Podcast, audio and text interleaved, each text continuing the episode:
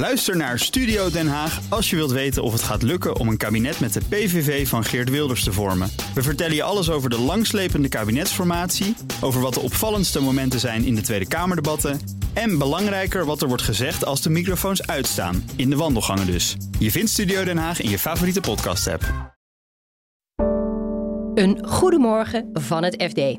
Ik ben Hella Huk en het is woensdag 25 januari.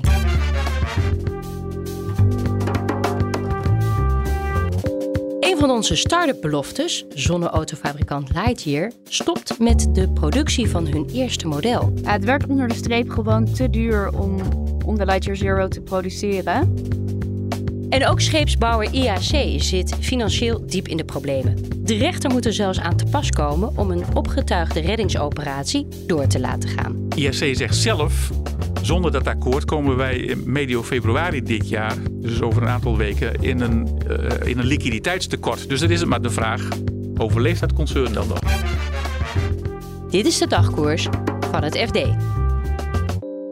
Het is in 2016 opgericht en komt eigenlijk voort uit de, een deelname van vijf studenten aan de World Solar Challenge, waarvoor ze een auto bouwden die uh, deels werd aangedreven, die werd aangedreven door de zon. Ja, dat was in Australië, toch? Klopt, inderdaad. En uh, na afloop waren de vijf oprichters van Lightyear eigenlijk zo enthousiast over dat concept dat ze dachten, hè, we moeten dit aan de man brengen. We moeten auto's gaan produceren die in ieder geval deels worden aangedreven uh, door de zon. Dit is industrieredacteur Pien van Engen. Die vertelt over Lightyear, een veelbelovende start-up in zonneauto's. Maar nu zijn ze in geldnood. En hebben ze uitstel van betaling aangevraagd voor de dochteronderneming die hun eerste model maakt, de Lightyear Zero. het werd onder de streep gewoon te duur om, om de Lightyear Zero te produceren. Prijskaartje hing oorspronkelijk uh, op 120.000, daarna werd het 250.000. Inmiddels zou het zelfs 400.000 uh, euro zijn. En ja, de conclusie werd nu gewoon getrokken van we kunnen doorgaan met de productie van in totaal die bijna duizend auto's, wat enorm veel uh, druk geeft op de balans. Of we stoppen, er, uh, stoppen daarmee en focussen ons compleet op de ontwikkeling van de Lightyear 2, die veel betaalbaarder moet worden en ook een massaproduct. En dat leek ze uiteindelijk het beste besluit om toch dan te stoppen met de Lightyear Zero, de ambassadeur van het bedrijf. Nu moeten ze dus stoppen met de ontwikkeling van dat eerste model. De tweede is nog in de pijplijn, daar willen ze wel mee door. Maar die aankondiging, kwam dat heel onverwacht? Ja, de aankondiging kwam eigenlijk heel onverwacht. Uh, eigenlijk uh, presenteert Lightyear zich de afgelopen maanden met veel bombardie. Uh, ze hebben de Lightyear um, Zero gepresenteerd in Spanje. Uh, daar de wereldpers voor uitgenodigd. En um, ook nou ja, sinds de start van productie in november veel aandacht voor geweest. Uh, en veel berichten over inschrijvingen voor Lightyear 2, het tweede model. Uh, dus deze, ja, deze stop van productie komt eigenlijk heel onverwacht. maar ze kwamen niet meer uit. Jij was vorig jaar bij die presentatie in Spanje als een van de weinigen was je uitgenodigd. Wat, wat vond je van die auto? Het was een mooie auto. Het was nog een, prototype, zeg maar, voor het daadwerkelijke productiemodel. Wat in november van de band rolde, waren de, de laatste puntjes uh, op de i gezet. Dus je zag bijvoorbeeld op het dashboard nog een grote rode knop. Um, die je in geval van nood kan uh, indrukken. Nee, dat zit natuurlijk niet in een normale auto. Maar eigenlijk uh, zag de auto er heel strak uit. Vrij laag, heel aerodynamisch dynamisch, waardoor nou ja, er zo min mogelijk energie verloren gaat. Motoren in zitten in de wielen, dus dat is natuurlijk ook wel bijzonder. Maar ja, het, ja, week ook weer niet zoveel af van een normale auto. En nu is dus de grote hamvraag, wat, wat betekent het voor Lightyear dat deze productie niet meer doorgaat?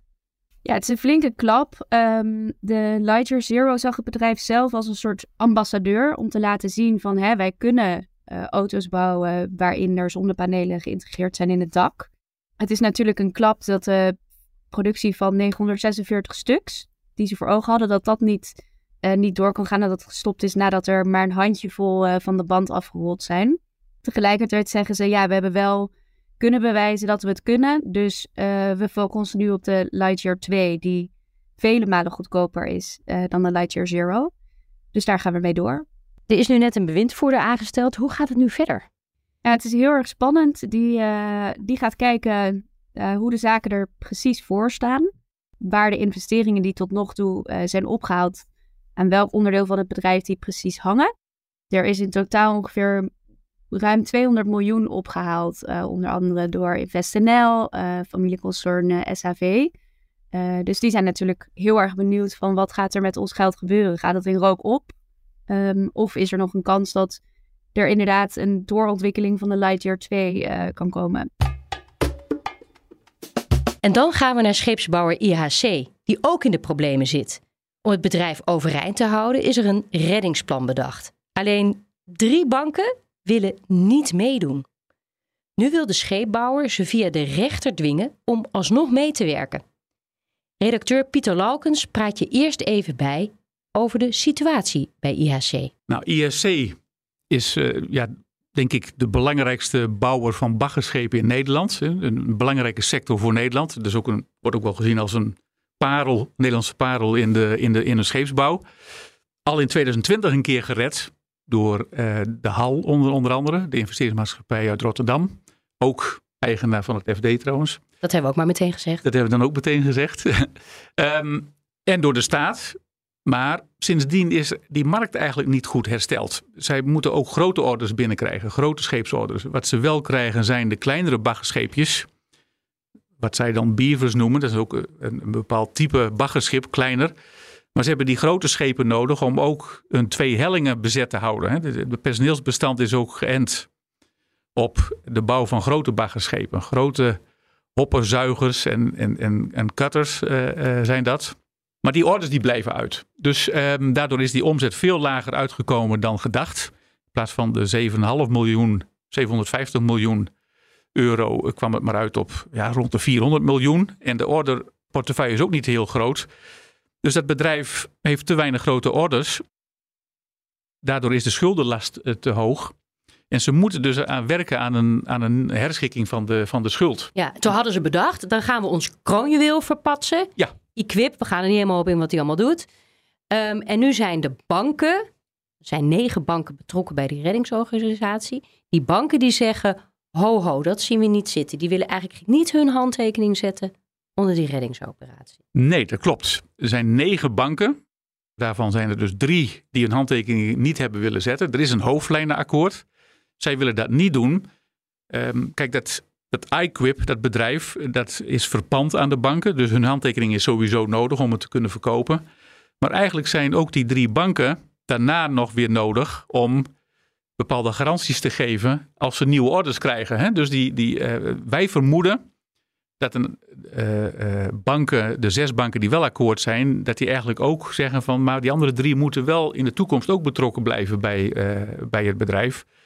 Terwijl die drie banken eh, denken van ja, maar zonder iQuip zie ik eigenlijk uh, uh, somber in voor de toekomst van IAC. Ik denk dat, dat denken zij dat het niet echt toekomstbestendig is. Tenminste, dat is ons vermoeden. Want de banken hoor je daar niet over. Die zeggen nooit iets over individuele klanten. Maar ons vermoeden is, en dat horen we wel van enkele bronnen, dat die banken zeggen van ja, maar zonder iQuip, wat een winstgevend concern is. Het is heel actief in de offshore met het, het, leggen van funderingen. Ze hebben allerlei grote gereedschappen daarvoor dat zonder iQuip dat ISC minder toekomstbestendig is. Dus geloven wij dan nog eh, dat wij daar in de toekomst nog betrokken bij willen blijven? Dat is eigenlijk de impasse waarin het zit. Klinkt inderdaad alsof je een marathon moet gaan lopen en net voordat de wedstrijd begint je je been afhakt. Ja, ja. Maar het bijzondere van dit verhaal is dat IHC nu via de rechter wil afdwingen dat die banken toch netjes bij dat kruisje tekenen. Ja, klopt. klopt. Ja, daarvoor zetten ze eigenlijk een nieuw instrument in. Dat is pas sinds 2021 uh, van kracht. Ik spreek het uit als WOA, maar het is de wet homologatie onderhands akkoord. Dit is een term uit, een stripboek. Ja, uit een stripboek en uit een heel moeilijke juridische constructie. Zij hebben dus een onderhands akkoord en zij willen dat die andere banken daar ook aan meedoen. En dan moet de rechter dat eigenlijk verbindend verklaren ook aan die andere drie banken die nog niet mee willen doen. Dus dat gaat via de rechter. Dat wordt, omdat het ook een jong instrument is, maar is nog niet vaak ingezet. Ik weet wel, ik heb gelezen dat het bij ADO, de voetbalclub uit Den Haag, ook ingezet is vorig jaar. En dat dat wel succesvol is geweest. Dat ging om meer dan alleen de banken trouwens, maar dat is ook gebruikt om een schuldenakkoord te bereiken. Dus het is nog niet vaak gebeurd. En ja, ISC zegt er vertrouwen in te hebben dat ze daar succesvol in zullen zijn. Dat ook die andere banken dus mee moeten doen met deze reddingsoperatie. En het is heel belangrijk dat dat lukt voor IHC. Ja, want IHC zegt zelf, zoals we nu voorzien, is zonder dat akkoord, waarbij dus de schulden uh, enorm verlaagd kunnen worden. Zonder dat akkoord komen wij medio februari dit jaar, dus over een aantal weken, in een, uh, in een liquiditeitstekort. Dus dan is het maar de vraag, overleeft dat concern dan nog? Maar ik kan me ook voorstellen dat voor die banken, en we weten helaas niet welke drie niet willen, uh, dat ze ook het schip ingaan, beetje flauwe metafoor misschien, als dit plan niet doorgaat. Nou ja, dat is dus even de vraag van uh, waarom als, als zij niet mee willen werken aan dit akkoord, uh, dan blijft het zoals het is. Dan blijft iQuip in de stal van IAC. Maar ja, wat is dan het scenario? Dat is, um, dan zitten zij ja, dan, zou je, dan zou ik het cynisch gezien zou ik dan zeggen van oké, dan, dan, dan uh, kunnen zij gewoon ISC gaan uitwinnen, zeg maar. Hè. Maar goed, dan, misschien loop ik te ver op de, op de troepen vooruit hoor. Dat, dat het allemaal als dan scenario's zijn. Maar blijkbaar zien zij dan mogelijkheden, andere mogelijkheden om met ISC verder te gaan. Maar wat, welke dat zijn, dat, dat weet ik dus niet. Maar het is wel opmerkelijk dat zij daar niet mee akkoord willen, willen gaan. Want het is voor het personeel natuurlijk een ontzettend onzekere tijd. Hoeveel mensen werken er überhaupt? Ja, er zitten zo rond de 1900 mensen uh, werken. Er hebben veel meer gewerkt. Maar er zijn al wel duizend banen in de afgelopen twee, drie jaar al verloren gegaan. Dus het gaat toch nog om zo'n rond, uh, rond de 2000 mensen die daar werken. En er is al één helling gesloten, tijdelijk, om kosten te besparen. Maar ja, het is, het is een, een, een, een, een traditioneel Nederlands concern. Ja, wat een enorme belangrijke plek binnen de maritieme sector heeft. Dat is dus belangrijk voor heel Nederland. Ja, absoluut.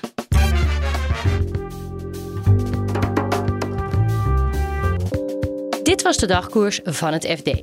Morgenochtend zijn we er weer met een nieuwe aflevering en die kan je automatisch binnenkrijgen. Als je je in je podcastplayer even abonneert op dagkoers. En het laatste financieel-economisch nieuws, dat volg je natuurlijk op fd.nl. Voor nu een hele fijne dag en graag tot morgen.